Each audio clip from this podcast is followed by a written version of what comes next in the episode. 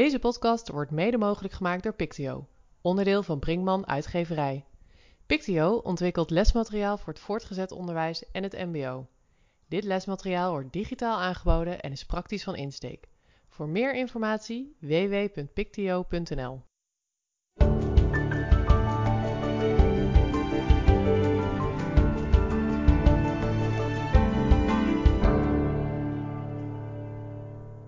Goedenavond en welkom bij het Pictio Onderwijspodcast Verkiezingsdebat.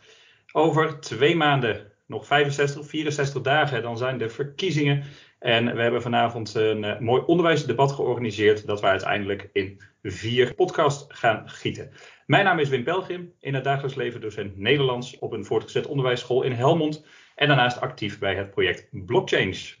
En ik ben de wederhelft, uh, nou ja, hè, wat betreft de podcast nou, nou, nou, van uh, Wim. Wij maken hem uh, samen. Ik ben uh, hoofd ICT van twee schoolbesturen in Noord-Holland, ronduit in ISOP. en daarnaast heb ik mijn eigen onderneming Edenovum. En ik verzorg vanavond de wat technische kant. Dus jullie zullen mij niet veel horen. Maar nou, mocht er iets mis zijn, dan hoop ik dat ik dat vanaf mijn kant snel kan regelen. Ja, en ik zal mij met de wat meer inhoudelijke kant bemoeien en de debatten en gesprekken gaan leiden. We hebben tien partijen, tien debatten, uh, tien interviews en dat worden uiteindelijk vier afleveringen voor elke onderwijssector eentje. En de grote vraag is natuurlijk op welke partij willen onze luisteraars straks stemmen op 17 maart. We hebben alle partijen uitgenodigd, alle zittende partijen in de Tweede Kamer en ook uh, zoveel mogelijk van de partijen die nog niet vertegenwoordigd zijn. Uh, uiteindelijk hebben we uit de partijen die nog niet vertegenwoordigd zijn moeten loten, want er waren meer aanmeldingen dan plekken. en u zult vanavond gaan horen welke partijen er aanwezig zijn geweest. En we gaan uh, gelijk van start, want het is een volle avond naar het eerste interview. Hi, uh, mijn naam is Peter Quint. Uh, ik ben inderdaad dus uh, van de SP en ik ben de afgelopen vier jaar Kamerlid geweest. Op het terrein van onderwijs ook al, dus ik hoop er al iets van af te weten na de afgelopen jaren. ik heb een verleden onder andere in de gehandicaptenzorg en als begeleider op een sociale werkplaats. Waar staat de partij in brede zin voor? Wat is jullie visie op de samenleving, op de politiek van de komende jaren? Nou ja, kijk, wat wij willen is een samenleving waarin uh, onze uitgangspunten menselijke waardigheid, gelijkwaardigheid, solidariteit centraal staan. En iets concreter betekent dat een maatschappij waarin niet het grote geld, maar datgene wat wij met z'n allen willen, uh, leidend is. En uh, ja, weet je, dan heb je het bijvoorbeeld over het wegwerken van de marktwerking uit de zorg. Omdat wij geloven dat ziek worden niet iets is waar je rijk van hoeft te worden. Maar als je kijkt naar het onderwijs, dan geldt er eigenlijk hetzelfde voor je ziet daar dat steeds meer partijen rondom het onderwijs heen er wel een goede boterham aan verdienen. Uh, maar dat docenten uh, die voor de klas staan een beetje bekaaid achterblijven. Ja, dat willen wij graag veranderen door, door meer te investeren in datgene wat van ons allemaal is. Dus onderwijs, zorg, um, politie, dat soort zaken. Um, en minder uit te geven aan ja, datgene wat voor sommige mensen is in plaats van van ons allemaal. En uh, als je nou uh, één of enkele concrete punten wil uh, noemen die jullie gaan veranderen de komende jaren in het onderwijs, hè? Wat, wat zijn dan die punten en wie gaat er dan ook direct iets van merken de komende jaren? Nou ja, wat mij betreft, zowel degene aan de voorkant als aan de achterkant van de klas. Dus zowel de docent als de leerling. Kijk, ik hoop heel erg dat het lukt om kleinere klassen te realiseren, omdat ik echt geloof dat dat een, een, een essentiële schakel is voor beter onderwijs omdat een leraar op minder mensen hoeft te letten en omdat een leerling uh, meer aandacht krijgt. Ik denk ook dat het heel erg bijdraagt aan uh, nou ja, het beste weten te maken van het huidige systeem van passend onderwijs. Dat je nu gewoon ziet dat leraren er niet aan toe komen om mee te kijken naar uh, een leerling die net even wat meer aandacht nodig heeft.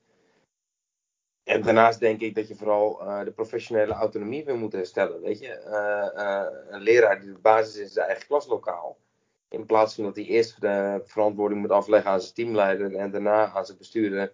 En daarna aan de bestuurder van de koepel.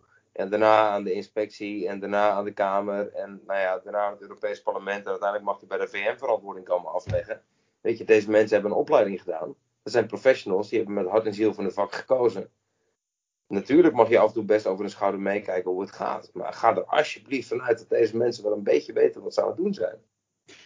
En als het gaat om uh, verandering is één kant. Wat zouden jullie hetzelfde willen houden? Wat moet er vooral niet veranderen de komende jaren? Ja, het, klassensysteem misschien. Um, er is heel erg veel discussie over uh, meer flexibiliseren en individualiseren van de leerweg. Maar ik ben er wel gedurende de tijd steeds meer van overtuigd geraakt. Dat je kinderen wel vanaf hele jonge leeftijd al pankla kunt aanbieden wat precies bij hun past. Maar dat je als onderwijs ook een taak hebt om kinderen voor te bereiden op de samenleving. En dan kom je ook niet altijd in een situatie waarin iedereen altijd pankla precies op jouw niveau iets aanlevert. Dan is soms ook wel eens een keer iets te moeilijk, iets te snel. En dat is een vaardigheid die je wel eens een keer, uh, die moet je aanleren. En daar, is het onderwijs best goed in. En uh, ondanks dat ouders heel vaak zeggen van, nou ja, mijn kind kan misschien een beetje meer van dit of kan niet minder van dat. Ik denk dat het best wel waarde heeft als een kind leert dat sommige mm -hmm. dingen net op een andere snelheid gaan als zij. Ja. Nou, ik ben Ander Ledenbank. Ik uh, sta wel op de lijst, maar, maar ben geen Kamerlid. Ik ben van de partij, Piratenpartij en we hebben geen enkele zetel in het, uh, in het parlement op dit moment. Uh, dus wat betekent dat we nu achter die ondersteuningsverklaring aan moeten. Maar uh, ik heb 25 jaar onderzoek gedaan in het ziekenhuis uh, in de cardiologie. En ben daarna nu vijf jaar docent op een middelbare school. Eén in Amsterdam Noord en één in Amsterdam Centrum. En, en de Piratenpartij, waar staat die partij in brede zin voor? Wat is jullie visie op de samenleving en de politiek voor de komende jaren? Ehm, Waar we altijd de meeste nadruk op leggen, is zijn de, wat we dan meestal maar noemen digitale burgerrechten, de privacy-achtige uh, dingen, de, de, de commons uh, spelen bij ons een rol, de dingen die van ons allemaal zijn en niet uh, van iemand persoonlijk. Dus de, de, schone lucht, wa schoon water is van iedereen. En het kan niet zijn dat iemand daar, daar dat in beslag neemt. Nou, dat is misschien een wat extreem voorbeeld, maar hetzelfde geldt voor uh, IP-rechten en dat soort dingen. Waarvan een aantal dingen zijn waarvan je zegt van nou, volgens mij moet het niet zo zijn dat iemand dat in eigendom heeft en is het eigenlijk van ons allemaal. En dat is eigenlijk waar we vaak mee bezig zijn. En ja, wat ik zeg, de privacy. Mm -hmm. En als het gaat om onderwijs, hè, de, want we hebben nog wat, uh, wat korte tijd even de vraag, hè, wat gaat er als de Piratenpartij het voor het zeggen krijgt veranderen en wie merkt er wat van en wat houden jullie graag hetzelfde? Nou ja, wat, ik, wat ik vind dat in elk geval zou moeten veranderen is dat we hebben nu een systeem waarbij we uh, van MAVO, HAVO, VWO, sorry, uh, VMBO, HAVO, VWO hebben. En dat is een lineair systeem en we hebben het ook, ik gebruikte het voor net ook al, opstromen en afstromen. Alsof het een omhoog is, het ander naar beneden is. We hebben tegelijkertijd zeggen we altijd, alle kinderen zijn anders. Er zijn dus ook kinderen die liever met hun handen werken. Maar dat staat helemaal los van het feit wat hun intellectuele capaciteiten zijn. En het indelen op grond van een CITO-toets uh, of een andere toets in een nummertje. En dat toegang geeft tot een bepaald niveau. Dat, dat zou wat mij betreft moeten veranderen. En ik zou veel meer scholen willen hebben die behalve dat ze iets intellectueels doen, ook iets praktisch doen. Of met kunst doen, of weet ik veel wat allemaal. Maar dat er heel verschil, meerdere soorten van scholen zijn waar je echt op, een, op je eigen dingen kan instromen. Niet alleen maar op basis van je, uh, jouw eenmalig uh, CITO-score. En dan nog in één zin het liefst, uh, en dan niet zo'n hele lange. Wat wilt u hetzelfde houden? Ik zou de lessen die we geleerd hebben met corona over hoe we digitaal uh, les kunnen geven willen behouden voor die, uh, die mensen die eigenlijk uh, anders thuis op de bank blijven zitten, om andere redenen niet naar school kunnen en uitgesloten zijn van het onderwijs. We gaan naar het eerste debat in het blokje primair onderwijs. we gaan naar een debat tussen de SP en de Piratenpartij. De stelling waar we het over gaan hebben is uh, afkomstig uit het programma van de SP. We, uh, er staat daar in het programma: We werken daarom naar klassen van maximaal 23 kinderen. Te beginnen op scholen met veel kinderen uit armere gezinnen. En we gaan horen meneer Quint van de SP en meneer Linnenbank van de Piratenpartij. Elke partij krijgt uh, één minuutje de tijd per partij om aan te geven hoe ze er hier tegenaan kijken. En daarna is er een aantal minuten uitwisseling. En na maximaal een minuut of 8, 9 rond ik het af. En dan kunnen we ook op schema blijven voor de rest van de avond. Dus dat is het uh, idee. Meneer Quint, uh, u mag het bal openen. Ik zei het eerder al, volgens de SP is het creëren van kleinere klassen echt een essentiële basisvoorwaarde voor het opkrikken van het niveau van het onderwijs in Nederland. Ik vergeet niet zo snel meer, ik was net Kamerlid. Een van de eerste gastlessen die ik gaf was bij een actie van Leraren in Actie, een lerarenvakbond. En die hadden uh, plosklassen ja, georganiseerd voor ons op het plein in Den Haag. Dus in een container zaten 25 kinderen.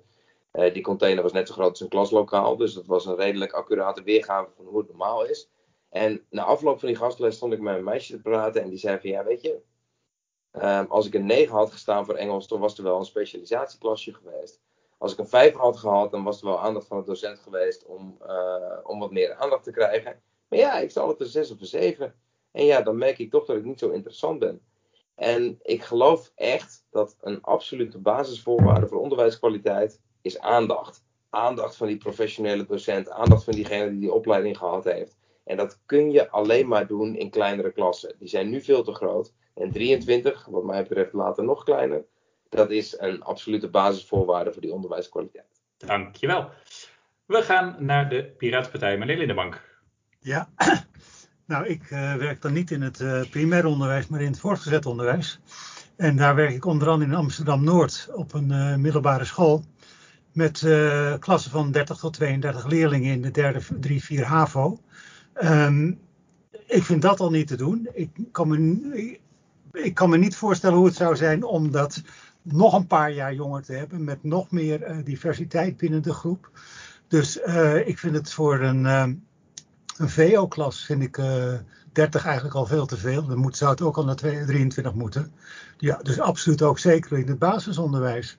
Waar je dus nog veel meer verschil hebt en nog veel meer ehm, uh, kinderen die uh, alle kanten op springen. Dus ja, ik ben het geheel met Peter eens. Nou, dat klinkt alsof het geen spannend debat gaat worden. Maar gelukkig hebben we natuurlijk ook nog wel een aantal kritische kanttekeningen te plaatsen bij, bij dit idee.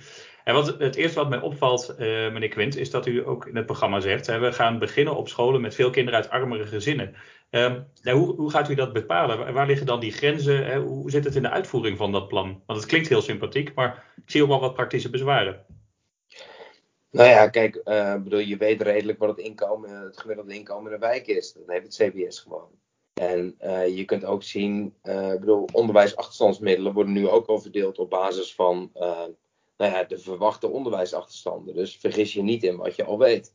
Soms denk ik eerlijk gezegd dat, dat de overheid wel eens een keer al iets te veel weet van dit soort informatie.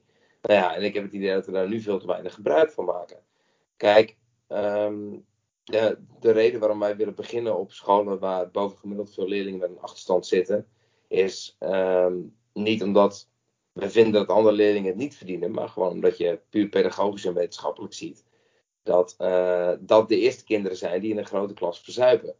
Weet je, het zijn, uh, het zijn die kinderen die van huis uit misschien een wat minder grote mond hebben meegekregen, die geen ouders hebben die er achteraan bellen, die ook geen ouders hebben die thuis meehelpen. Uh, met huiswerk. En niet soms niet uit onwil, hè, soms gewoon omdat je het oprecht niet begrijpt.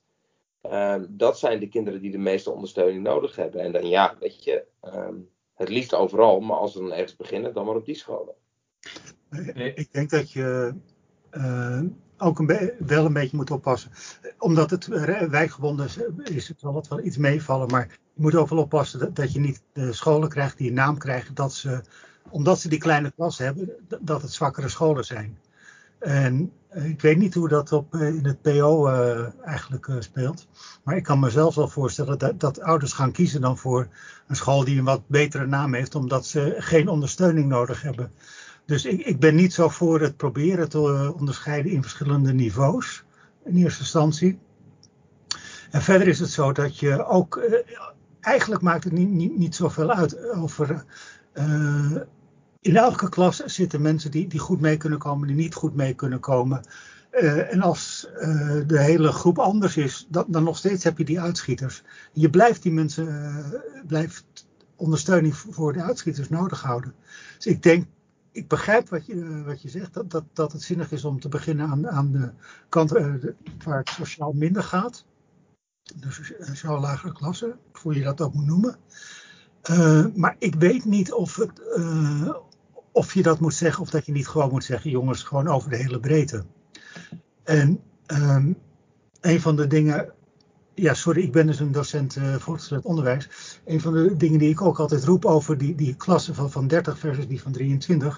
Een klas van 30 is uiteindelijk duurder dan een klas van 23 vanwege de schooluitval, vanwege het afstromen naar, naar een ander niveau.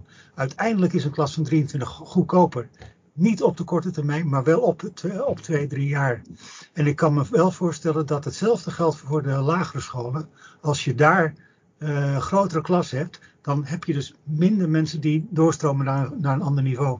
Ik uh, ga even naar meneer Quint, want ik, uh, volgens mij zie ik dat hij wil reageren. Nee, ik ben het met het laatste deel ben ik het, ben ik het wel eens. Ik denk inderdaad, en dat, weet je, dat stopt mij heel erg aan. je gaat straks weer alle doorrekeningen van het CPB zien. Ja, weet je, ik vind het een soort, soort, soort nauwe kokenblik. Die mensen die snappen geen jota van onderwijs. Weet je, uh, als je een miljard uitgeeft aan onderwijs, dan is er een miljard extra op het begrotingstekort. Ja, kom op nou. Ik bedoel, elke docent, sterker nog, elke ouder, die kan je uitleggen dat uh, dat geld wat geïnvesteerd wordt in uh, jonge kinderen, in, in, iedereen tot en met de 18, dat zich dat dubbel en dwars terugverdient. En wat, en wat zeggen die rekenmeesters met het CPB? Die zitten over een rekenmachine gebogen en die zeggen van ja, het kost toch wel veel geld. Ja, maar hoe Ik bedoel, de, de, de landen wereldwijd die het meest uitgeven aan onderwijs, percentueel gezien. Dat zijn de landen waar het qua, uh, qua economie en welvarendheid het beste mee gaat. En dat is geen toeval. Um, en wanneer het gaat om die achterstandsleerlingen, ja, weet je, um, het, gaat mij, het, gaat mij niet zozeer om wie er een, een, een, stigma krijgt, wel of niet.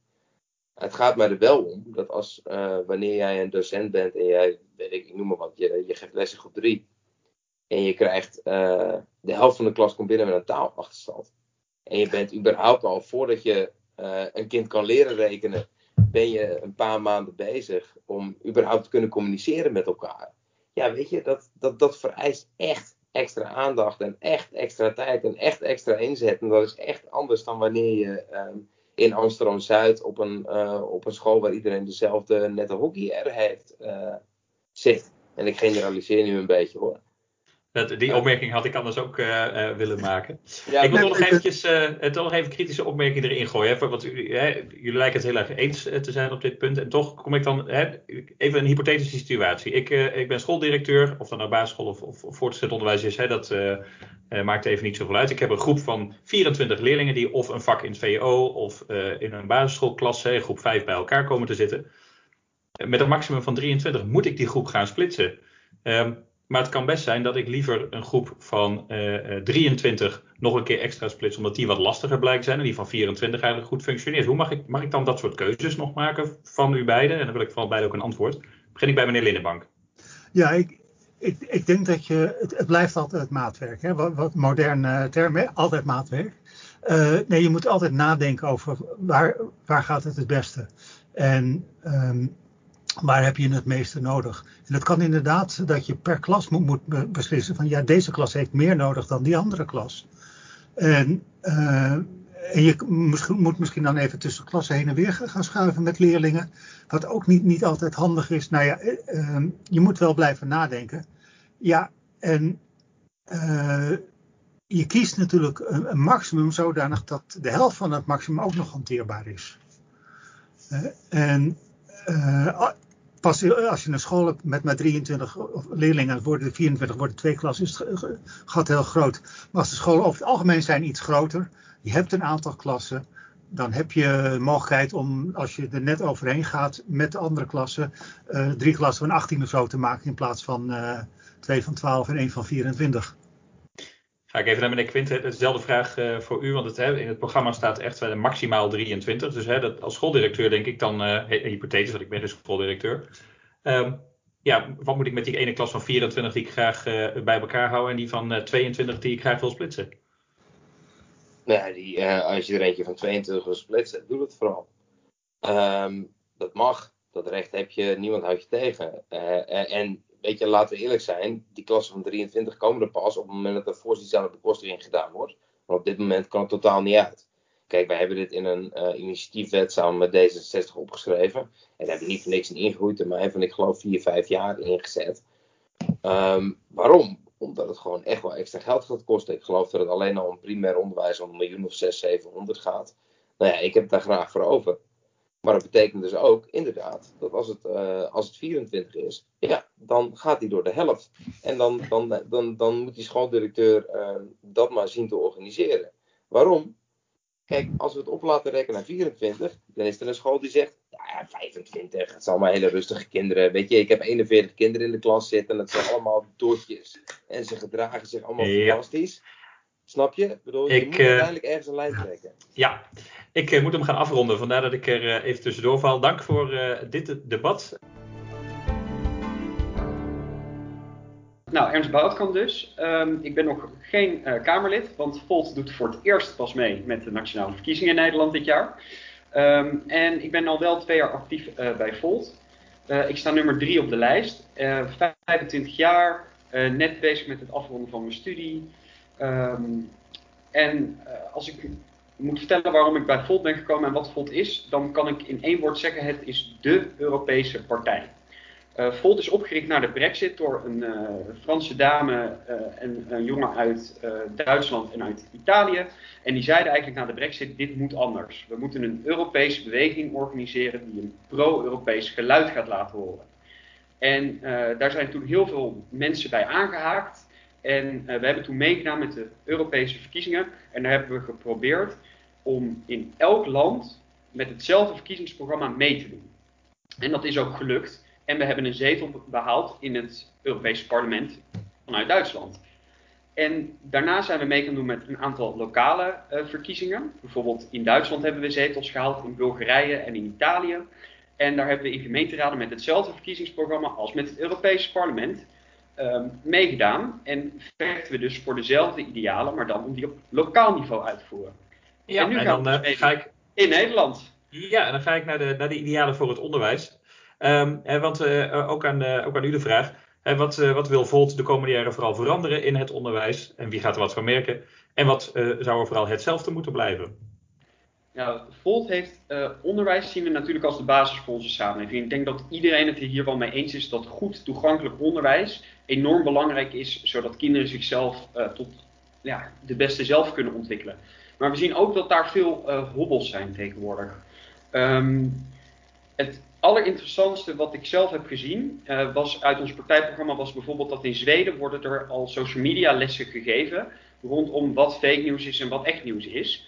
Uh, dat, dat is een heel interessant iets wat we in Nederland zo snel mogelijk willen realiseren. Maar ook de standaard dingen zoals een goede schoolmaaltijd op scholen. Uh, meer dan een half miljoen kinderen wonen onder de armoedegrens in Nederland. En als jij geen goede maaltijd uh, op een dag binnenkrijgt, dan kan je ook niet goed studeren. Het zijn ook de kleine dingen zoals zorgen dat er een goede studieruimte is op school voor kinderen die thuis niet de mogelijkheid hebben om rustig te kunnen studeren. Dat ze ook na schooltijd daar aan de slag kunnen. En natuurlijk dat uh, leraren de mogelijkheid krijgen om ook wat vrijer te zijn in het samen met die kinderen uh, dat kind zo goed mogelijk te ontwikkelen. Dus later pas de cruciale keuze maken op welk niveau een kind terechtkomt. En wij hebben dat gezet op 14 jaar in de tweede klas. Um, nou, dat is de, de, middelbaar en de basisschool. En dan voor het hoger onderwijs willen wij uh, ook kijken naar dat Erasmus-project, dat doet heel veel voor studenten. Maar kunnen we dat nou ook voor bijvoorbeeld andere onderwijsvormen inzetten? Voor het MBO uh, of, of, voor het HBO makkelijker? Want we zien dat het nu alleen op de universiteit eigenlijk heel toegankelijk is. Dat, dat soort zaken proberen we dan ook Europees meteen voor te geven. En wat moet er vooral hetzelfde blijven de komende jaren in het onderwijs? Nou, ik ging het even opzoeken en er zijn dus een kwart miljoen uh, docenten in Nederland, of mensen die werken in het onderwijs. En uh, ja, ik had een hele positieve schooltijd de afgelopen 25 jaar. En die mensen hebben zich echt keihard ook voor mij ingezet. Ik heb nogal last van dyslexie en daar is altijd heel fijn mee gewerkt. Dus vooral die positieve insteek op scholen, die zou ik graag blijven zien. Maar verder is voelt nog wel progressief en voor verandering. Dus we hebben vooral dingen die we willen veranderen erin staan. Oké. Uh, Partij van de Arbeid. Uh, mijn naam is Mohamed Mohandis. Ik was Kamerlid tussen 2012 en 2017. Uh, eh, ik ben alweer een tijdje gemeenteraadslid in het mooie Gouda. En ik ben nu kandidaat voor de komende verkiezingen op, op nummer 12. En um, Waar staat de PvdA eh, in brede zin voor? Wat is uh, jullie visie op de samenleving en de politiek van de komende jaren? Nou, zonder het verkiezingsprogramma voor te lezen, de essentie van uh, voor mij is, is de Partij van de Arbeid een partij die, ehm, die activistisch is als het gaat om de visie op, ja, op een sterke overheid. Enerzijds, maar ook staat voor verantwoordelijkheid nemen. Dus ehm, ik geloof in dat je samen ervoor zorgt dat mensen ook solidair willen zijn. Dus dat je omkijkt naar elkaar en niet alleen naar jezelf en vooruit, maar ook om je heen. Uh, en daar valt veel te winnen. We leven in een vrij gepolariseerde samenleving. En uh, het is misschien uh, de allermoeilijkste boodschap in deze tijd. Maar meer verbinding, meer omkijken naar elkaar. Um, en er ook voor zorgen dat overheidsvoorzieningen voor iedereen toegankelijk zijn. Ook vooral voor hen die, die dat niet zelf kunnen dragen. Dus bestaanszekerheid voor iedereen. En als het om het onderwijs gaat, hè, wat wil de PvdA de komende jaren veranderen? En wie gaat er iets van merken? Dus echt heel concreet. En wat willen jullie hier hetzelfde houden? ja, hetzelfde houden. Uh, laat ik beginnen met veranderen. Ik heb daar al eerder iets over gezegd. Uh, van belang is dat we echt iets doen aan, uh, nou, nogmaals, aan die financiële waardering in het basisonderwijs. Dat betekent concreet dat je, dat je naar één CAO moet van primair onderwijs, voortgezet onderwijs en voortgezet speciaal onderwijs. Dat moet je gewoon een keer uh, goed regelen. Dat, dat kost ook geld. Um, ik ben een ander punt wat ik, waar ik in het MBO nog meer tegenaan ben gelopen. We hebben een fantastisch succes geboekt in de vorige periode, ook met andere partijen. Dat is de invoering van de OV-kaart voor alle MBO'ers tot 18. ik zie ook steeds meer dat schoolkosten in het algemeen. Uh, we zien ook bijvoorbeeld ICT-materiaal in het voortgezet onderwijs, maar ook koksets en dergelijke ik vind het heel raar dat, uh, dat wij uh, ja, financiële drempels opwerpen, misschien onbewust, voor jongeren tot 18 die nog geen eigen inkomen genieten. Dus in essentie ben ik, ben ik, zou ik het heel mooi vinden, want je kunt niet alles veranderen in vier jaar. Als we alle jongeren in Nederland tot 18 jaar uh, kosteloos naar school laten gaan, in alle opzichten. Dat zou ik een uh, mooie verandering vinden. En daarnaast hebben we nog tal van punten. Uh, ik zou ze tekort doen om even af te raffelen. We hebben een mooi verkiezingsprogramma op onderwijs. Uh, er staat uh, heel veel in, uh, ook hele concrete punten in. maar ik ga even nog naar de laatste vraag die ik stelde. Wat, ja. wat wilt u graag hetzelfde houden de komende jaren? Wat mag er niet veranderen in het onderwijs? Um, nou ja, ik, ik, wat, ik, wat ik hoop, ik bedoel, dat is misschien een algemeen punt, is dat wij um, ook uh, polderend stappen zetten in het onderwijs. Dat klinkt misschien oudbollig, maar wat van belang is, dat, is dat je leraren, uh, uh, zeg maar het lerarengeluid, de vakbonden, in ieder geval het maatschappelijk middenveld dat zich om het onderwijs heen organiseert, soms iets te veel, hè, zeg ik ook maar gelijk, maar dat je samen die stappen zet. hoe voorkom je nou dat je maatregelen neemt die, weinig op draagvlak kunnen rekenen? En dat is altijd lastig, want je moet ook als politiek verantwoordelijkheid nemen en toch is het van belang om niet alles overhoop te halen, maar echt daar waar het kan aan de knoppen draaien, zodat leraren echt het gevoel hebben, we geven ze een duw in de rug, ze kunnen vooruit, dat studenten het gevoel hebben, het wordt toegankelijker. Ja, dan, nou ja, goed, die zaken. Dus uh, vooral ook vertrouwen hebben in de professional, dat proef ik, dat moeten we ook zo houden. Uh, we gaan naar de Partij van de Arbeid en Volt. de stelling komt uit het partijprogramma van de PvdA. Daar staat namelijk: elk kind van moeilijk lerend tot hoogbegaafd verdient het onderwijs dat hij of zij nodig heeft. Lerarenopleidingen moeten beter toegerust worden om leraren hierin te scholen. En we gaan horen meneer Mohandis van de PvdA en meneer Boutkan, als ik het goed uitspreek, van Volt. Meneer Mohandis, uh, u mag uh, als eerste één minuutje de vloer om te vertellen waarom u dit uh, wil. Ja, dank u wel. Ja, um, nou, ook omdat ik de afgelopen vier jaar niet in de Kamer zat, uh, dan ben je ook vooral ook vader van, uh, van, uh, van kleine kinderen. En dan kom je vaker op die basisschool. En ik vind deze stelling relevant, omdat ik enorm enerzijds voor het klassikaal onderwijs ben, maar ook zie dat een klas waar kinderen niet zo snel mee kunnen en meekomen, dat het van belang is dat leraren ondersteuning krijgen. Dat kan een klasassistent zijn, dat kan van alles zijn, maar we zien Tenminste, mijn ervaring is dat die ondersteuning nog niet uh, voldoende is op heel veel scholen. Dus uh, heel veel leraren hebben gewoon wat meer ondersteuning nodig. Ik denk ook dat de financiële waardering voor docenten in het algemeen uh, veel beter moet. ik vind die loonkloof, bekende loonkloof tussen PO en VO, die moeten we slechten. we zouden bijvoorbeeld de lerarenopleiding via, ja, via een soort rijksacademiemodel kunnen introduceren. Maar in essentie zou ons voorstel zijn Maak uh, de opleiding tot leraar in ieder geval uh, kosteloos, dus geen financiële drempel. Het salaris moet beter en uh, vanuit werkdrukgedachte, daar is ook veel voor gedaan, ook afgelopen kabinetten. Maar ik merk gewoon dat er nog te veel scholen zijn die heel veel kinderen moeilijk mee kunnen laten komen in het tempo. En daar moeten we de komende, de komende jaren met elkaar, want dat doen we samen in de Kamer, de volgende stappen zetten. Ja, dank u wel. En meneer Bout, kan uw microfoon staat nog uit, dus als u die aanzet, dan heeft u nu één minuutje om uw visie op deze stelling toe te lichten. Is het nu, werkt het? Ja, ik hoor u prima. Mooi. Nou, hallo, Ernst Boutkamp van Volt. Um, kijk, wij vinden natuurlijk net als uh, de PvdA dat elk kind uh, zo goed mogelijk onderwijs moet krijgen.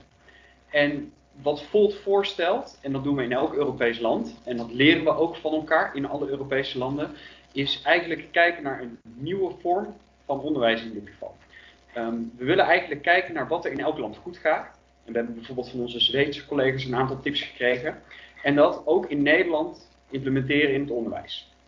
Wij denken dan dat als we het onderwijs gaan focussen op de band tussen leraar en kind, om het kind zo ver mogelijk te ontwikkelen, we dat zo goed mogelijk kunnen doen. Daar hebben we een aantal concrete voorbeelden voor, zoals het uh, geven van goede maaltijd op school aan elk kind. Het zorgen dat de CITO-toets later pas plaatsvindt, dus dat de verdeling naar niveau pas later plaatsvindt in het onderwijs. Um, en bijvoorbeeld ook ervoor zorgen dat leraren minder administratieve functies hebben en meer vrijheden hebben in de klas om samen met de kinderen te kijken naar hoe ze bepaalde projecten kunnen vormgeven om die kinderen zich zoveel mogelijk te laten ontwikkelen. Dat maakt het werk van leraar aantrekkelijker en dat zorgt voor betere ontwikkeling van het kind. Ja, dat was een, uh, de open, er waren de openingsstatements. Um, uh, ik uh, geef meneer Mohandes even de ruimte om te reageren. Want ik hoor wel wat verschillen. Ik wil zo meteen nog even een beetje meer terug naar de stelling, maar eerst maar even een reactie.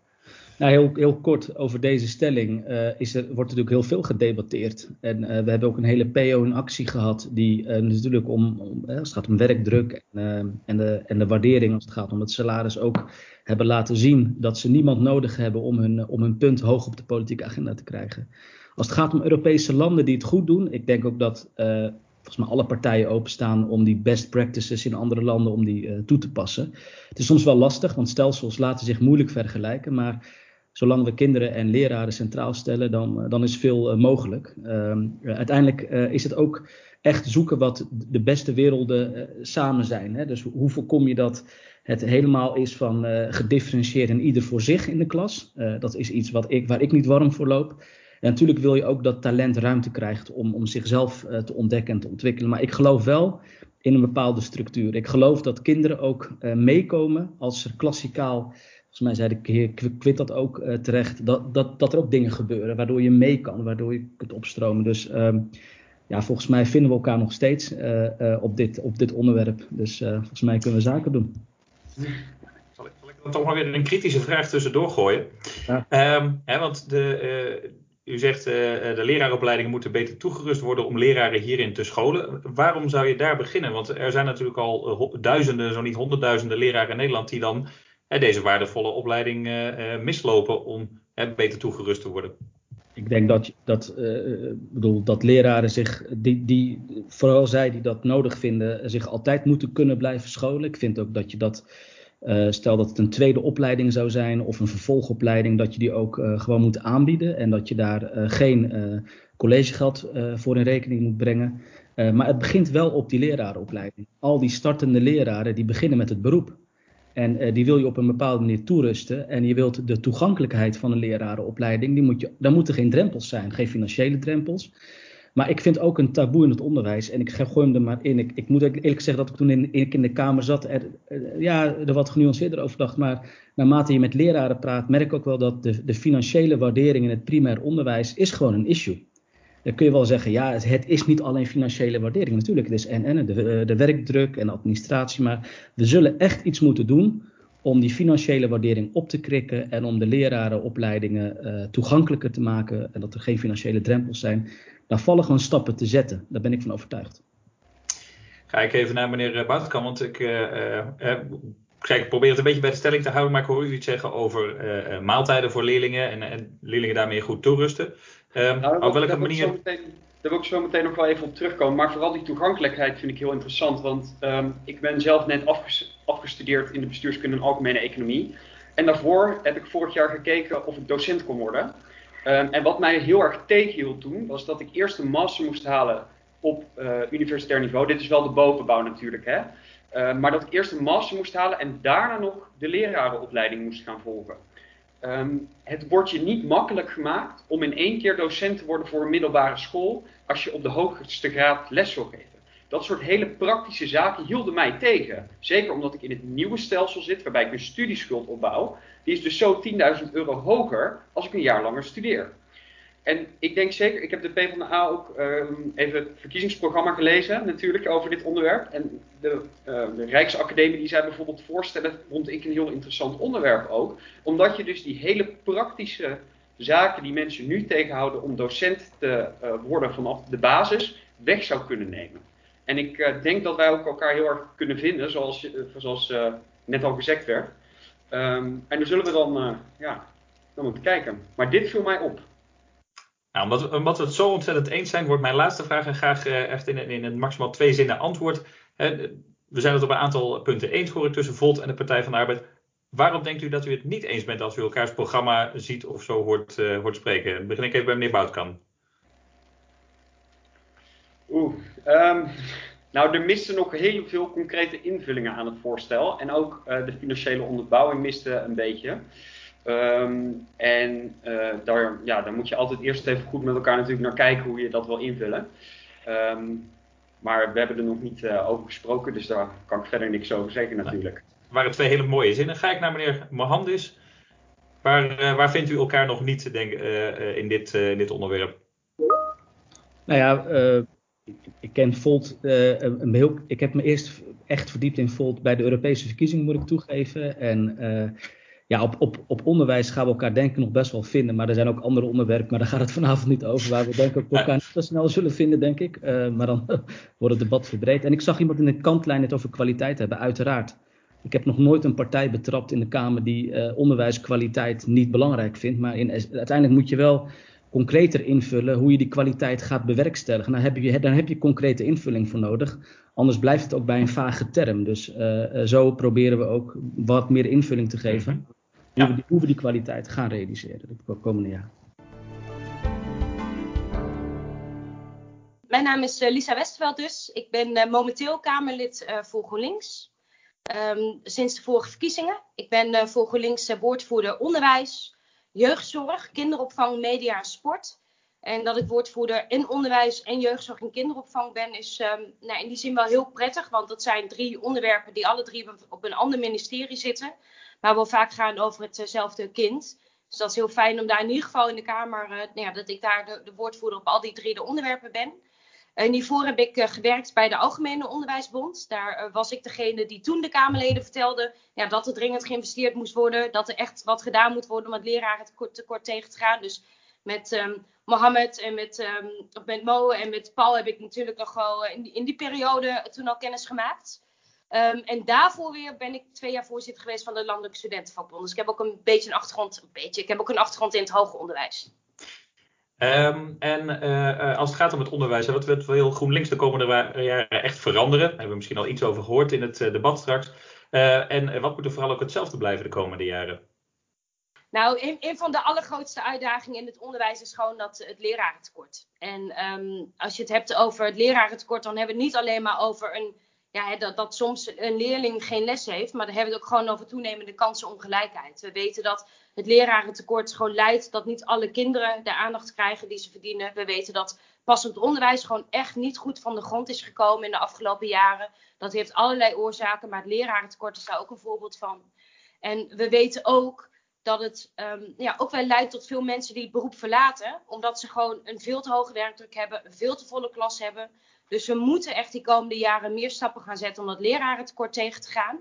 En dan zorg je dus ook voor kansen voor alle kinderen. En dat is een van de punten die voor ons heel belangrijk zijn, voor meer partijen heel belangrijk zijn. Uh, je moet echt zorgen dat alle kinderen dezelfde kansen krijgen. Dat alle kinderen aandacht hebben in de klas. En dat juist kinderen die wat moeite hebben om mee te komen, bijvoorbeeld omdat ze een handicap hebben of een leerachterstand hebben, dat ook zij gewoon alle aandacht krijgen en alle kansen. En dat gebeurt alleen maar via goed onderwijs. En dan de vraag, wat moet er vooral hetzelfde blijven? Wat mag er uh, absoluut niet veranderen namens, of, uh, volgens GroenLinks de komende jaren? Ja, dat is ook een, een, een, best wel lastige vraag. En tegelijkertijd, ik denk dat we heel erg moeten uitkijken dat we het komende jaar uh, het hele onderwijs weer op de schop halen. Wat je nu merkt, helemaal met de coronacrisis, is dat scholen en dat leraren ontzettend flexibel zijn. Dat ze hebben enorm veel voor de kiezer gehad. Hè. In één keer moesten ze omschakelen naar online onderwijs. En dat is, zijn echt wel uitzonderingen te vinden, maar dat, dat is over het algemeen gewoon heel erg goed gedaan. We hebben een ontzettend goed lerarenkorps. En ik, je merkt ook dat door de opkomst van PO in actie, het lerarencollectief nu, dat, dat je ook ziet dat leraren vaker van zich laten horen. Dat ook zij weer nou, echt trots zijn op hun beroep. We hebben een aantal sterke vakbonden. Dus ik wil vooral zo houden dat ehm, ja, deze goede leraren behouden. En zorgen dat zij gewoon nog beter hun werk kunnen doen. En zorgen dat we ook als uh, politiek zorgen dat de randvoorwaarden goed op orde zijn. Zodat de leerkracht met goede randvoorwaarden gewoon het allerbeste onderwijs kan geven. En nu uh, zie ik op mijn lijst dat ik de vraag waar staat uw partij in brede zin voor dat ik die per ongeluk had overgeslagen. Dus daar mag u uh, het interview mee afronden. Waar, waar staat GroenLinks in brede zin, los van het onderwijs, voor? Wat is uw visie op samenleving en politiek? Ja, het zit al deels in onze naam, hè? groen en links. We zijn een partij die natuurlijk is voor meer aandacht voor duurzaamheid. Moeten echt veel meer oplossingen komen om de, nou ja, de klimaatopwarming tegen te gaan. Maar we zijn ook de partij die wil zorgen dat er, heel veel, dat er veel meer sociaal beleid is. Dat iedereen gelijke kansen krijgt, dat heb ik al een aantal keer genoemd. Maar ook dat die verschillen tussen ja, rijk en arm, tussen mensen die het gewoon goed hebben en mensen die ja, uit een gezin komt waar het allemaal wat minder gaat. Dat we dat opheffen, zodat we een, veel ja, een samenleving krijgen waar we, waar we echt weer naar elkaar omkijken, waarin we echt wel oog hebben voor iedereen. Martin Rijkamp, ik ben uh, 50 plus en uh, wat ik al zei, vader van drie studenten. Kandidaat Kamerlid voor 50 plus, uh, staand op plek nummer 4. En op de site kunt u verder lezen wat er allemaal nog meer te, te, te bevragen is. Dus daar wilde ik het graag bij laten. En uh, 50 plus, waar staat die partij in brede zin voor? Wat is, wat is uw visie op de samenleving en de politiek voor de komende jaren? Ja, voordat ik daarop inga, zou ik toch, want er zitten veel onderwijzers aan, aan het scherm. Het is nog niet gebeurd, maar compliment maken voor het feit dat onder moeilijke omstandigheden in de laatste, ik denk ondertussen al bijna twaalf maanden, het onderwijs toch in de lucht is gebleven. En het is overal moeilijk, maar ik heb er toch heel veel respect voor en wilde dat niet onvermeld laten. De brede visie van 50 plus, die, gaat eigenlijk over de verzilvering of vergrijzing. Ik vind verzilvering persoonlijk wat mooier van de samenleving. En dat ziet niet alleen toe op de huidige 50-plussers, maar op, op een tendens die duidelijk zichtbaar is. En het is onze overtuiging dat de Nederlandse samenleving daar nog niet klaar voor is. Als je kijkt in termen van woningbouw, als je kijkt in termen van inkomen, zorg. Dan is het voor ons belangrijk dat wij een visie gaan ontwikkelen hoe we daarmee omgaan en vervolgens dat ook gaan implementeren. En dat is denk ik uh, in, in, in, in, in een dusdanige vorm. Hè, 50 plus streeft niet naar een bevoordeling van 50-plussers. Maar uh, daar waar discriminatie optreedt, uh, willen we dat ook absoluut uh, aan de kaak stellen. En nogmaals, dat raakt zeker de 50-plussers van dit moment. Maar iedereen die dat nog niet is, wordt het vanzelf wel. En daar willen we een fatsoenlijke samenleving voor organiseren. En wat is een van de punten waarvan 50PLUS zegt, nou dat moeten we de komende jaren concreet gaan veranderen in het onderwijs. En wie gaat daar ook iets van merken in het onderwijs? Ja, nou laat ik eerst beginnen met uw andere vraag van wat blijft hetzelfde. Dan, dat is ook prima. Ja, dat is ja, voor mij absoluut. Het is al iets vaker gezegd, onder andere door Volt, de meneer van Volt. dat is gewoon de mens van vlees en bloed voor de klas. Daar hebben we allemaal waanzinnig van genoten. En in hoeverre en in zoverre dat er allerlei computers mee gaan helpen om het allemaal efficiënter te maken die docent, die juffrouw, de meester, noem het maar op, is gewoon cruciaal en die moet gewoon een centrale plaats hebben en houden in het onderwijs. Dan voor wat betreft wat willen wij veranderen? nou, ten eerste, de cultuur moet worden een leven lang leren. En dat betekent toegankelijkheid en laagdrempeligheid. Leren stopt niet meer naar de middelbare school of naar een vervolgopleiding. Uh, zeker als je kijkt wat er in de arbeidsmarkt gaat gebeuren met artificial intelligence, robotisering, moeten we de mindset krijgen van joh, onderwijs is iets van het, van het leven lang. Dus daar moet de toegang voor worden verbeterd. nou, primair onderwijs hebben we het al over gehad, dus dat laat ik even liggen. Voor de rest in het voortgezet onderwijs, het diploma op maat, is ondertussen ongelooflijk veel over geschreven en gezegd. Ik zou zeggen, het wordt eindelijk tijd voor actie. Er zijn mooie experimenten geweest. En uh, wat ons betreft is er eigenlijk weinig wat nog in de weg staat om daar nou eens een keer echt uh, werk van te gaan maken.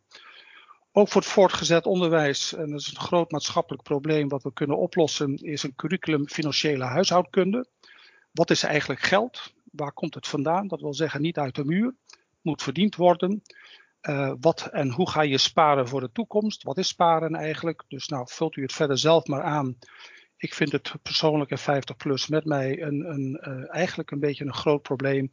Dat op dat, moment, op dat onderwerp eigenlijk onvoldoende aandacht is in het voortgezet onderwijs. En ik denk dat dat absoluut uh, mag en kan veranderen.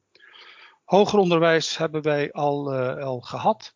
We gaan zeker meer geld richting onderwijs uh, brengen. Dus dat hebben we ook al uh, kort aangestipt. Uh, voor de rest werkdrukverlaging, deels misschien door meer mensen voor de klas. Maar toch ook vooral meer nadruk op, op, het, op datgene wat we geleerd hebben in deze COVID-periode. Het inzetten van, van zeg maar even digitaal in het hele, in het, hele onderwijsproces. is wat ons betreft iets wat belangrijk is. En ook de, zeg maar even de, de kennis en kunde van leerlingen op het gebied van omgaan met, uh, met ICT is gewoon een belangrijk speerpunt. En dan gaan wij naar het debat tussen GroenLinks en 50PLUS. De stelling komt uit het programma van GroenLinks. Ik zal hem weer even voorlezen. De buitenschoolse opvang wordt helemaal gratis. Het basisonderwijs en de buitenschoolse opvang brengen we zoveel mogelijk samen in brede scholen en integrale kindcentra. Hier kunnen kinderen de hele dag terecht om te leren en te spelen. En we gaan horen van GroenLinks mevrouw Westerveld en van 50PLUS meneer Nijkamp. Mevrouw Westerveld, u, uh, het is uw stelling, dus uh, voor uw standpunt uit het verkiezingsprogramma, dus u mag het bal weer openen. Ja, dank u wel en um, goedenavond allemaal. Um, wij zeggen inderdaad, GroenLinks zegt inderdaad dat uh, kinderopvang en buitenschoolse opvang te belangrijk zijn om aan de markt over te laten. En daarom zou je het gratis moeten, moeten doen. Uh, en dat heeft een aantal redenen. En een hele belangrijke reden is dat we weten dat er ongelijke kansen zijn. En die, dat begint niet alleen maar op de basisschool, dat begint eigenlijk al in de periode voordat kinderen naar de basisschool gaan. En daarom zou je ervoor moeten zorgen dat alle kinderen een gelijke start hebben. Want we weten uit heel veel onderzoek dat juist die eerste jaren heel belangrijk zijn voor de ontwikkeling van kinderen. Als je het bijvoorbeeld hebt over taalachterstanden, dan beginnen die vaak al thuis, omdat ouders bijvoorbeeld moeilijker Nederlands kunnen praten. Nou ja, dat, kun je wegwerken door hele goede kinderopvang en buitenschoolse opvang te organiseren. Daar zijn wij voor.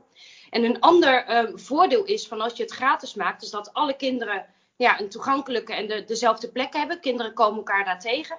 Maar je voorkomt ook dat er een enorme barrière is tussen ja, kinderopvang en het basisonderwijs. Dus ook om die barrière weg te werken, zou je eigenlijk één plek moeten hebben waar alle kinderen naartoe kunnen, die onafhankelijk van hoeveel ouders verdienen en waar uiteindelijk ook opvang en onderwijs samen in één integrale leerroute doorgaan, zodat alle kinderen een gelijke start hebben. Oké, okay, dank u wel. Uh, ga ik naar meneer Nijkamp, die nog heel even zijn microfoon aan gaat zetten. En dan gaat aangeven hoe 50 plus er tegenaan kijkt. Ja, uh, 50 plus zit uh, misschien op hetzelfde spoor, maar dan eigenlijk heel anders verwoord. Uh, wij kijken eigenlijk met een scheef oog naar het zuiden, naar Frankrijk en zeggen van stip aan de horizon is wellicht om uh, in het Nederlandse onderwijssysteem het Franse systeem uh, over te nemen. En dat betekent dat kinderen zelfs nog een jaar eerder naar school gaan, uh, waarmee je bepaalde problemen die net al zijn benoemd kunt opvangen. kinderen die eigenlijk vroeg morgens naar school toe gaan en s'avonds vlak voor het avondeten weer terugkeren. Uh, op school ontbijten, op school eventueel worden voorzien van een warme maaltijd als dat uh, past in het schema van ouders. En uh, drijfveer is enerzijds, dit geeft de kinderen de ruimte om zich optimaal te ontwikkelen en op een redelijk gelijke voet, zoals dat ook net werd gezegd. En aan de andere kant sluit het aan bij een maatschappij waar de arbeidsparticipatie verder omhoog kan en ook verder omhoog zal moeten in de toekomst. Dus uh, wat ons betreft gaan we daar serieus studie van maken en kijken of we dat kunnen gaan invoeren in ons prachtige land. Nou, als ik de hele avond tot nu toe zo hoor, dan uh, kunnen we qua onderwijs volgens mij gewoon alle partijen bij elkaar zetten en is iedereen het eens. Dus ik zal de, de kritische noot weer gaan plaatsen. Begin ik eventjes bij, mevrouw Westerveld, want de eerste zin valt mij natuurlijk op. Hè. De buitenschoolse, buitenschoolse opvang wordt helemaal gratis. Ehm, hoe gaat u dat betalen? Ja, dat gaan we gewoon net als alle andere partijen laten wij ons verkiezingsprogramma doorrekenen. Dit is wel een fors bedrag hoor. Even uit mijn hoofd is, kost het ongeveer 5 miljard, reken het CPB uit. Nou wil ik allerminst zeggen dat die CPB-doorrekeningen dat die heilig zijn. Want wat het CPB vaak doet is kijken naar wat kost iets de komende vier jaar en wat levert het op. Nou ja, dan heb je gewoon de pech dat je een partij bent. En die zijn wij, maar ik zie heel veel andere gezichten hier ook. Ook van mensen van partijen die graag willen investeren in onderwijs. Nou, heb je gewoon de pech dat je daar inderdaad fors um, de portemonnee voor moet trekken. Nou, wij laten dat net als heel veel andere partijen die er nou zijn ook gewoon doorrekenen. En wij zouden willen dat het belastingstelsel bijvoorbeeld wordt aangepast. Hè? Dat je gaat zeggen dat mensen die heel erg veel verdienen, en dat zijn er nog, nogal wat in Nederland, dat zij wat meer belasting gaan betalen. En datzelfde geldt ook voor ja, grote multinationals, vervuilende bedrijven, die laten ook meer belasting betalen. Dus dit komt gewoon in onze doorrekening. En die, bij, ja, die portemonnee die trekken we daar gewoon voor. Meneer Nijkamp, gaat u de portemonnee daar ook voor trekken? We gaan zeker de portemonnee trekken voor uh, het onderwijs. Ik denk dat we wat dat betreft als partijen uh, wat dat betreft weinig verschillen. Uh, daar moet gewoon geld bij en dat is verder wat dat betreft vrij evident. wij hebben dit, wij laten op dit moment ook ons verkiezingsprogramma doorrekenen. We hebben deze stip aan de horizon niet in het programma opgenomen. In dat opzicht is het op dit moment beeldvormend. Tegelijkertijd denk ik dat uh, als je kijkt naar welke aan de ene kant bijdragen er nu allemaal worden geleverd. En wat er vrij zou kunnen vallen als je dit op een goede manier vormgeeft. Dat er ook een belangrijk deel inverdieneffecten zouden optreden. Dus wat dat betreft, dat is één. En punt twee, zullen we dit ook naar draagkracht moeten organiseren. En dat hoeft niet per se via belastingstelsels. Dat kan ook gewoon door zijn de bijdrage van de ouders op basis van draagkracht organiseren. En ik, uh, ik hoorde u ook iets zeggen over arbeidsparticipatie. Um, op het moment dat, je, dat, dat de BSO zo goed geregeld is dat er eigenlijk geen enkele belemmering meer is om te gaan werken en om te participeren op de arbeidsmarkt. Um, ja, dan moet ik een hele flinke stap gaan zetten om te zeggen, nou, ik ga daar geen gebruik van maken, ik blijf thuis. Is dat niet een soort perverse prikkel die je dan in, introduceert? Ja, ik, ik begrijp je, je, vraag heel goed. Want um, ik denk dat het zo anderhalf week geleden is. Toen is er ook een, um, een, een dik rapport gekomen met een aantal scenario's. wat zijn nu de gevolgen van het gratis maken of bijna helemaal gratis maken van kinderopvang? En een van de scenario's die wij in ieder geval de onderzoekers ook voor waarschuwen, is dat het deels ook zou kunnen leiden tot wat minder arbeidsmarktparticipatie, inderdaad, omdat mensen um, ja, nu wat makkelijker, uh, nou, bijna geen keuze meer hebben, kinderen thuis kunnen laten enzovoort. Dat klopt. Aan de andere kant zien we dus nu dat vrouwen heel vaak thuis blijven om voor de kinderen te zorgen. Heeft Nederland best wel een heel traditioneel rolpatroon daar nog in. En uh, leidt, leidt, dit er wel toe dat vrouwen dus wat vaker, in plaats van dat ze nu in deeltijd werken, nou, wat meer dagen in de week zouden kunnen gaan werken. Dus in die zin heeft het ook weer een positief effect. En ik zou nog graag één ander positief effect willen benadrukken. Dat is dat we nu een enorm ingewikkeld stelsel hebben aan toeslagen. En dat kwam natuurlijk um, naar voren ja, tijdens de recente onderzoeken ook. Hè, naar nou, hoe zit het nou met de kinderopvangtoeslag? Um, de, de controle erop, daar is nu veel over naar buiten gekomen. Maar um, daar zit een, hele wereld achter. En dat is een wereld waarin ouders vaak zelf helemaal niet meer goed begrijpen wat ze nu precies moeten invullen, hoeveel ze nou straks terugkrijgen. En behalve dat dat voor ouders nou, on, onbegrijpelijk is geworden, merk je dus ook dat daar heel veel bureaucratie in gaat zitten. Dus met zo'n stelsel, waarbij je het gewoon toegankelijk maakt voor iedereen, kun je ook afstappen van het hele ingewikkelde toeslagencircus dat we nu hebben. Ga ik even naar meneer uh, Nijkamp. Wilt u daarop uh, reageren? Nou ja, kijk, we hebben in Nederland de leerplicht uh, en die betekent dat niet iedereen de vrijheid heeft om wellicht kinderen aan het onderwijs te onttrekken. Het is onmiskenbaar zo dat als je die scholen langer zou laten lopen, dat uh, die leerplicht misschien nog knellender wordt, maar hij is er al. En uh, ik denk dat de sociale effecten uh, opwegen tegen die potentiële extra druk die er is. Omdat, en ik ben het helemaal met de vorige spreekster eens, er onvoldoende ruimte is als je bijvoorbeeld kijkt naar de zorg, maar ook in het onderwijs, uh, om die volledige arbeidsparticipatie uh, überhaupt mogelijk te maken. Dus in dat opzicht, uh, ja, elk voordeel heeft zijn nadeel, maar in onze optiek weegt dat voordeel gewoon absoluut op tegen dat potentiële nadeel dat iemand zich verplicht voelt om afstand te doen van het kind tot half zes per dag. Dan ga ik nog een allerlaatste puntje eruit halen, even heel kort nog. Um, want die, die brede, brede scholen en integrale kindcentra. Nou, mijn, mijn, kinderen gaan ook naar zo'n school waar een kinderopvang bij op zit. Dus ik, ken, het, ik ken het systeem. Maar er zijn ook een heleboel achterstallige. Er is een hoop achterstallig onderhoud op veel schoolgebouwen. Dat bij elkaar brengen maakt ook dat je ruimte nodig hebt. Uh, dat wordt een flinke operatie, mevrouw Westerveld, om al die scholen te gaan verbouwen tot integraal kindcentrum. Ja, dat, dat klopt inderdaad. En daar ga ik ook niet mee draaien. Maar dat is natuurlijk ook niet iets wat je, wat je meteen voor elkaar gaat krijgen. Dit vraagt een, een flinke stelselwijziging. dit, dit vraagt inderdaad dat je ja, toch ook, ook leerkrachten en pedagogische medewerkers uh, helemaal klaarmaakt voor zo'n nieuw systeem. Dus dit is echt niet van de een op de andere dag zomaar gedaan. Er zit misschien ook wel een voordeel in, want we weten ook dat heel veel schoolgebouwen gewoon flink verouderd zijn. Dat kwam ook weer afgelopen maanden naar voren met de hele discussie die we ook hebben gehad over ventilatie op scholen enzovoort. Daar blijkt gewoon dat er flink wat achterstallig onderhoud gewoon is. Ja, dus uh, hopelijk geeft dit de mogelijkheid om van uh, dat nadeel dan een voordeel te maken. En daar gewoon goede, nieuwe, duurzame gebouwen neer te zetten. Waar alle mm. kinderen een hele fijne plek hebben. Ik wil uh, alle deelnemers, alle partijen heel hartelijk danken voor het zich voorbereiden, inlezen, deelnemen en alle betrokkenheid. Ik wil uh, Wietse ontzettend bedanken, want hij was misschien niet zo hoor en zichtbaar als ik vanavond. Maar zonder hem had ik dit niet gekund. hartelijk dank daarvoor. De, zodra de afleveringen online staan, uh, verspreid ze vooral en zorg dat meer mensen gaan luisteren naar de Pictio Onderwijspodcast. En uh, mocht u hier vanavond zijn en denken, goh, ik ken eigenlijk die afleveringen allemaal niet. Luister op Spotify, uh, luister op iTunes of op een andere plek waar podcasts te luisteren zijn. Goede verkiezingen alvast aan alle kandidaten en graag tot de volgende keer.